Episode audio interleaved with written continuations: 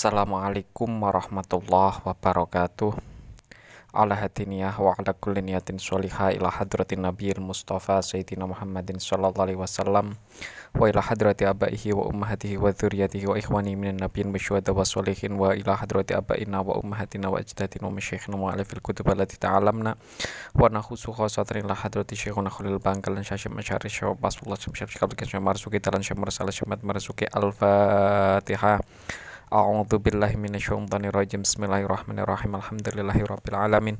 Arrahmanirrahim. Maliki yaumiddin. Iyyaka na'budu wa iyyaka nasta'in. Ihdinas siratal mustaqim. Siratal ladzina an'amta 'alaihim ghairil maghdubi 'alaihim waladdallin. Amin. Bismillahirrahmanirrahim. Qala al-musannifu rahimahullah taala wa nafa'ana bihi wa bi 'ulumihi fid dharaini. Amin. Teman-teman, sebelumnya kita akan bacakan satu hadis yang kelewatan kemarin itu ya. Wa an Abdillah bin Zaid radhiyallahu an. Bismillahirrahmanirrahim. Wa an Zaid ibni Abd wa an Abdillah ibni Zaid radhiyallahu an. Anan nabiya bahwa kanjeng nabi sallallahu alaihi wasallam itu utia diberi. Bithulutsai muddin pada. Bithulu Saimuddin pada dua per tiga mud Bithulu Saimuddin pada tiga mud Faja'ala kemudian menggunakan siapa nabi Atau melakukan siapa nabi Yadul yadluku Menggosok siapa nabi Ziro'aihi pada lengannya, kedua lengannya Nabi. Akhraja mengeluarkan pada hadis siapa Ahmadu Imam Ahmad wasahaha dan mensahihkan pada hadis siapa Ibnu Khuzaimah Imam Ibnu Khuzaimah. Jadi mut ini dua per tiga mut ini adalah saya pastinya nggak terlalu paham ya. Ukuran itu saya nggak terlalu paham. Tapi dua per tiga mut ini adalah air yang begitu sedikit. Ya. Nah ketika kanjeng Nabi mau wudhu nah hanya memiliki air sedikit ini. Nah selama air itu kok tidak tercampur dengan air mustakmal meskipun air sedikit statusnya tetap suci dan mensucikan. Kalau suci dan mensucikan berarti tetap boleh untuk digunakan untuk berwu berwudu. Bahkan hadis ini itu memberikan pesan moral ya bahwa ketika kita berwudu ketika kita beribadah jangan menggunakan sesuatu secara berlebihan. Pesannya begitu, ya kan?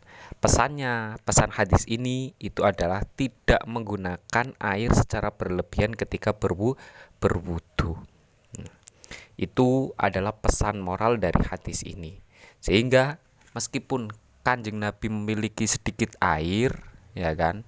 Atau dalam gambaran begini, Kanjeng Nabi berwudu dengan menggunakan air yang sedikit catatannya tadi tetap airnya adalah suci dan mensuci, suci dan mensucikan. Nah, ini pesan untuk tidak berlebihan dalam menggunakan air. Selanjutnya kita akan melanjutkan pelajaran Wa an Abi Hurairah radhiyallahu anhu qala qala Rasulullah sallallahu alaihi wasallam. Wa an Abi Hurairah diceritakan dari sahabat Abi Hurairah radhiyallahu an qala berkata siapa Abu Hurairah Qala bersabda siapa Rasulullah sallallahu alaihi wasallam idza tawadda'tum fabda'u bimaya minikum. Idza tawadda'tum ketika berwudu siapa kalian? Idza tawadda'tum ketika berwudu siapa kalian fabda'u maka awalilah. Fabda'u maka awalilah bimaya minikum pada anggota kanan kalian. Bimaya minikum pada anggota kanan kalian Akhraja mengeluarkan pada hadis siapa al-arba'atu imam empat? Wasohaha dan mensohehkan pada hadis siapa Ibnu Huzaimah? Imam Ibnu Huzaimah. Dalam hadis ini kanjeng Nabi memerintahkan kita ya ketika berwudu untuk mendahulukan anggota yang kanan dan mengakhirkan anggota yang ki yang kiri. Nah, pertanyaannya apa hukum mendahulukan anggota yang kanan dan mengakhirkan anggota yang kiri? Sunnahkah atau wajibkah? dalam hal ini memahami hadis ini ulama itu berbeda pendapat. Ada yang mengatakan wajib untuk mendahulukan anggota kanan dan mengakhirkan anggota kiri. Argumennya apa? Ya. Pertimbangannya apa? Pertimbangannya adalah berbasis atau berdasarkan teks hadis ini. Dalam teks mana?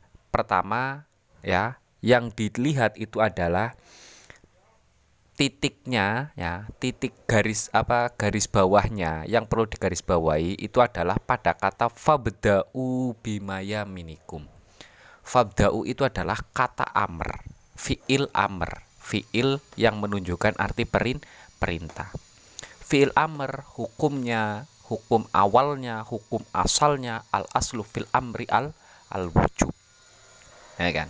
Makanya tanpa mempertimbangkan hadis-hadis yang lain ya dengan menggunakan hadis ini ada ulama yang mengatakan bahwa mendahulukan anggota yang kanan dan mengakhirkan anggota yang kiri dalam dalam berwudu hukumnya adalah wa, wajib.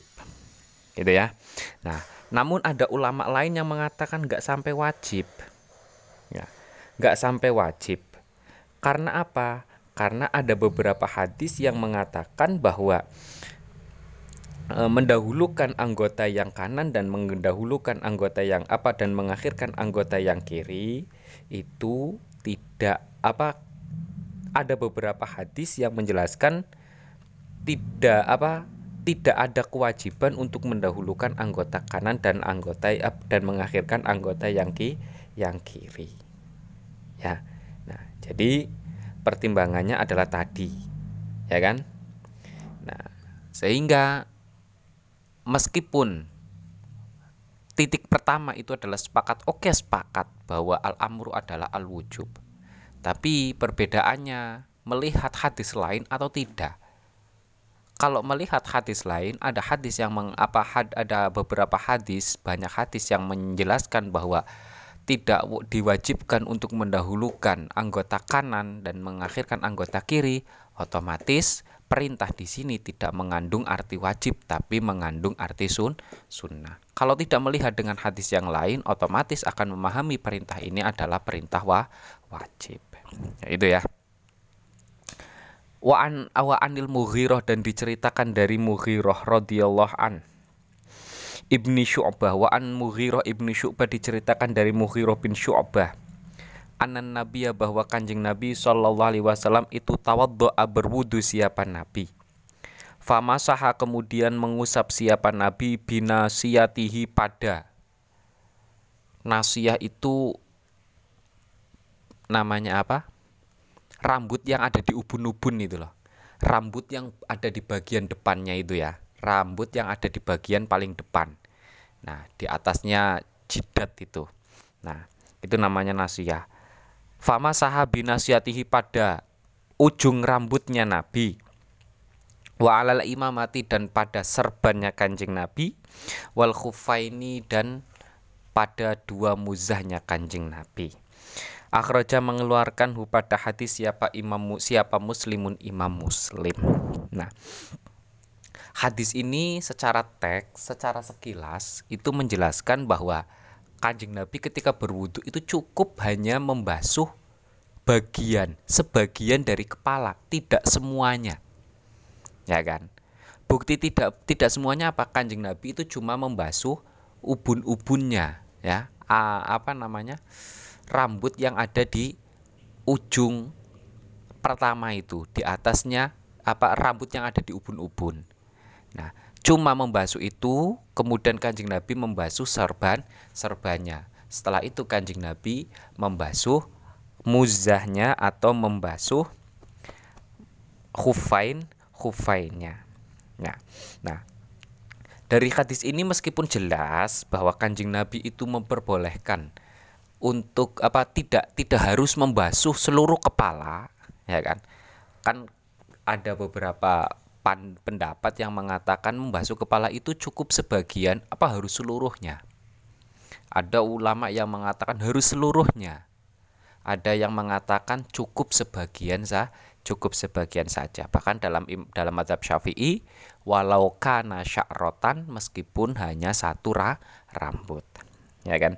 Nah, meskipun hadis ini itu menjelaskan bahwa Kanjeng Nabi hanya membasuh ubun-ubunnya saja, ya kan? Rambut yang ada di ubun-ubunnya saja tidak membasuh seluruhnya. Ya.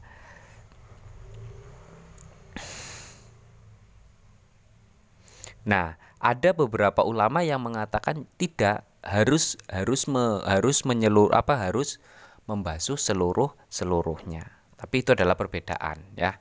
Itu adalah perbedaan perbedaan memahami hadis, perbedaan memahami da, dalil. Semuanya punya argumen selain dari hadis ini banyak argumen-argumen lainnya. Di antaranya adalah argumen secara bah bahasa. Itu ya.